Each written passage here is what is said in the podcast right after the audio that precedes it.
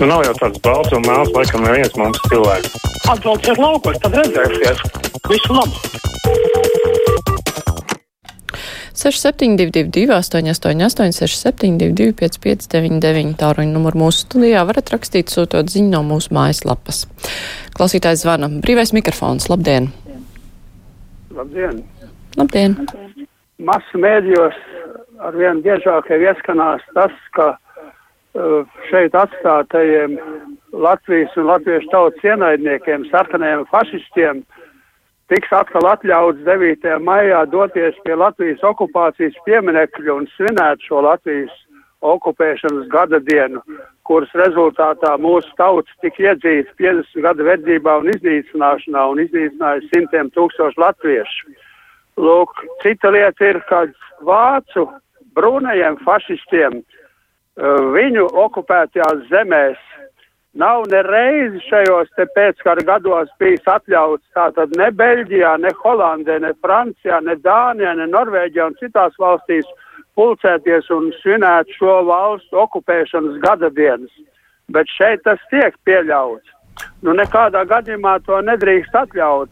Nožēlojam jau, ka mums pie varas ir gļēvi un laikam arī komunistu pēcteči, kas to pieļauj.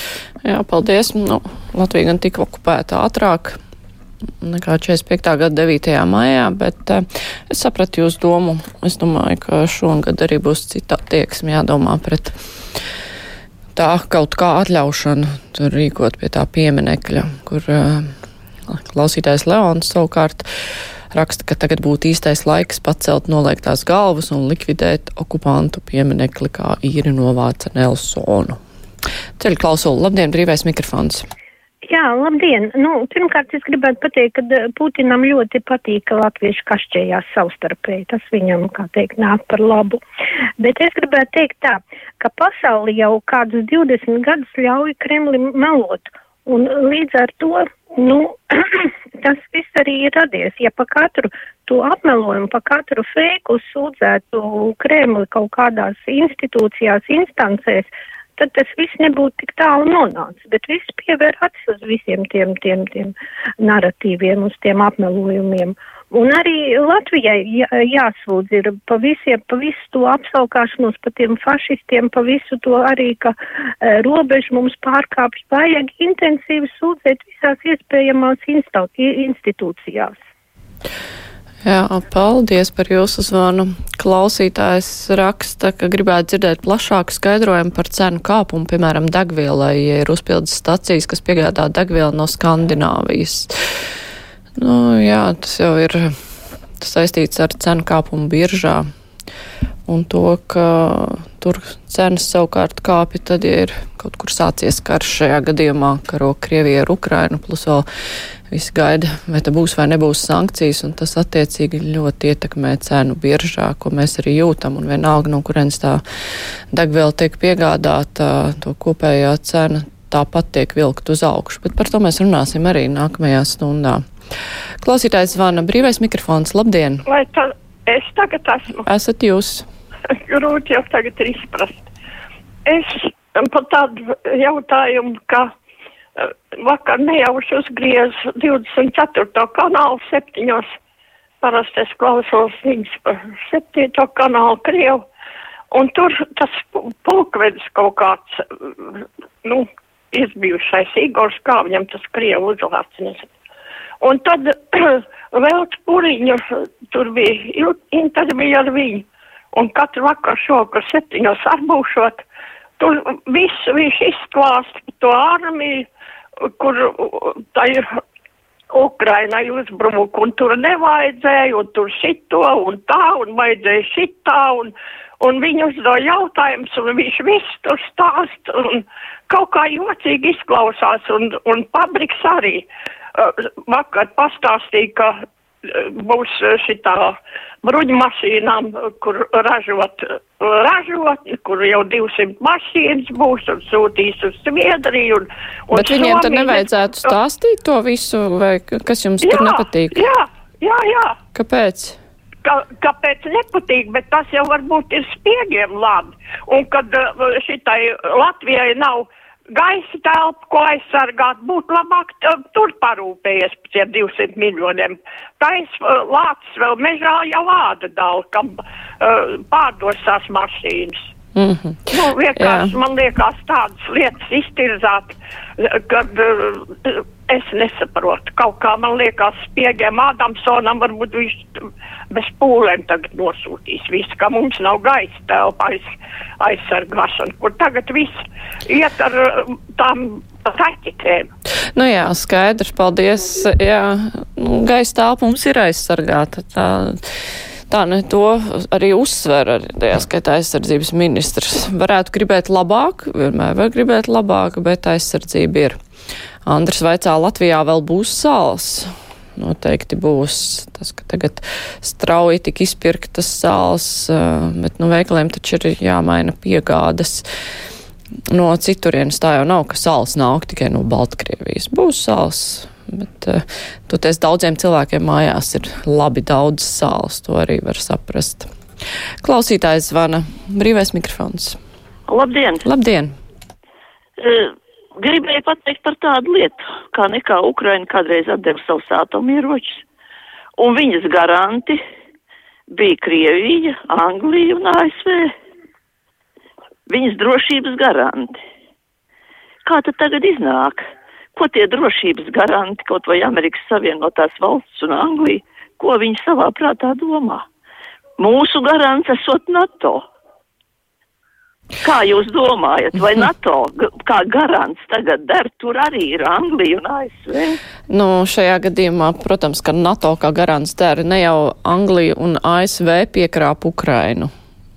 Ukraina piekrāpa Krieviju, šis te trešais drošības garants. Tā kā nevajag putrot eh, ļoti būtiskas lietas šajā gadījumā. Klausītājs zvana brīvais mikrofons. Labdien! Labdien! Eh, Vai mums nevajadzētu organizēt brīvprātīgos šoferus ar autobusiem, lai brauktu uz Ukrainas robežu pēc bezpajumtes un pārtikus palikušajām sievietēm un bērniem? Un tad vēl Latvijā vajadzētu pieņemt likumu tikai pieņemt bēgļus no Ukrainas. Mani pārsteidza, ka samārieši pieņēmuši deviņas ģimenes bēgļu no Maskavas. Šāda privilēģija taču valstī veicina iedzīvotāju šķelšanos. Un tad vēl, bet tie stāvtie nepilsoņi, kuri Rīgā ir daudz, lai brauc uz savu zemi un kopīgi ar tautiešiem cīnās pret asinskāro dēmonu, kā to darīja viņu senči 5. un 17. gadā. Paldies! Jā, paldies. Autobusi, kas ved bēgļus no Ukrainas, tie jau tiek organizēti. Droši vien, ka vajadzētu plašāku informāciju, cik daudz, lai cilvēki zina, bet arī ar vien tiek uzsvērts, ka nevajag rīkot pašdarbību, ja nav ļoti skaidrs zināms, kam pakaļ brauc. Un, nu, skaidri kontakti, lai nerodas hauss kaut kāds. Bet, eh, jā, acīm redzot, vajag vairāk informācijas precīzākas par šo, par palīdzību, kas tiek sniegta. Klausītājs zvana brīvais mikrofons. Labdien! Labdien! Labdien! Esat ēterā? Jā, es mm -hmm. klausos. Jā, mēs klausāmies es, jūs. es gribēju pa, pa citu, ne pa Ukrainu runāt, bet es gribēju, ka r- Latvijas rādio varētu vēl kādus raidījumus pārraidīt eh, par, par gāzi, teiksim, kā varētu privātie pāriet no gāzes apkurs uz, uz vai uz granulām vai uz zemes sūkņiem, lielāku informāciju, lai mums iedotu cilvēkiem. Mm -hmm. Tie- Jā, jā, paldies, un paldies par ieteikumu. Ritvars vaicā, kāpēc te televīzijā no kanāla saraksta izņemts Current Time kanāls, kurš raida Krievu valodā stāst par karu Ukrainā. Tādu sajūtu, ka Latvijas valsts uzņēmums piespēlē Kremļa propagandai, izņemot no saraksta Kremlim netīkamu kanālu. Uh, jūs tiešām esat pārliecināts, ka ir izņemts Current Time jau nav bāzēts Krievijā. Viņam jau nevajag uh, baidīties no Krievijas sankcijām. Es domāju, varbūt jums ir vienkārši kaut kas jāskatās vēl, bet ja kāds klausītājs uh, arī ir kaut ko tādu pamanījis, ziņojiet, protams, bet es šaubos par patiesumu šī apgalvojuma. Vēl viens vārds brīvais mikrofons. Labdien! Labdien! Labdien. Kādi te starptautiskie likumi? Par karošanu. Krievi Vietnamā lidoja Krievu lidmašīnās un Krievu piloti ar vietnamiešu zvaigznēm uz spārniem. Tas pats notika Korejā. Te pēkšņi jāievēro kaut kādi starptautiskie noteikumi, ka nevar NATO, jeb nevar Poļa dot savas lidmašīnas Ukraiņiem. Pēdējās muļķības Krievs neievēro vispār nekādus likumus, absolūti. Paldies! Jā, paldies. Nu, tās lidmašīnas jau var uh, piegādāt, bet uh, vismaz, nu, cik es lasīju, ka ASV bija gatavi kompensēt, ja poļi iedod savas lidmašīnas, bet uh, viņiem jau arī ir jāpieslīpē savi piloti pie tām amerikāņu lidmašīnām, jo viņi lido ar citām lidmašīnām, ka tur ir tā problēma bijusi. Bet uh, arī te derētu droši vien, ka skaidrojums. Agnēs raksta labi, ka ir tāds Igors Rajevs, kurš tagad katru vakaru ļoti kompetenti izskaidro lietas no militārā viedokļa, un viņam zvar, zvan pārsvarā vīrieši ļoti vajadzīgs raidījums, un ja nu Putins no kaut kā baidās, tad tas ir NATO, tas taču ir tik acīm redzami. Tieši tā piekrīt Agnesei. Savukārt Olafs raksta par Latvijas gaisa aizsardzību. Īstenībā tā netiek aizsargāta, bet gan tikai novērota. Ja nezināt, tad vismaz nestāstiet melus. Nu, tā nav, ka tikai novērota. Cits aivars raksta, ka rentēm strādā, te tā. Nu, tieši tā es arī domāju, ka šis jau nav tas kanāls, kuru varētu mest laukā, kur būtu, nezinu, problēmas, kuram pašam raidīt. Jo šis kanāls var brīvi strādāt. Viņiem, protams, ir problēma ar korespondentiem Krievijā, jo par tiem ir tagad jāuztraucās. Iespējams, nezinu, vai viņi tur turpinās darboties. Ivo raksta par bēgļu nogādāšanu Latvijā. Pašreiz ir ļoti apjomīga brīvprātīgo kustība. Viss tiek ļoti labi organizēts. Cilvēki tiek vēst uz Latviju. Pats vakar atvedu četras ukraiņu sievietes. Paldies, Ivo, par informāciju. Tā kā, jā, nu, galvenais ir piedalīties organizētā šajā darbībā, nevis pašdarbībā. Paldies, brīvais mikrofons ar to arī izskan.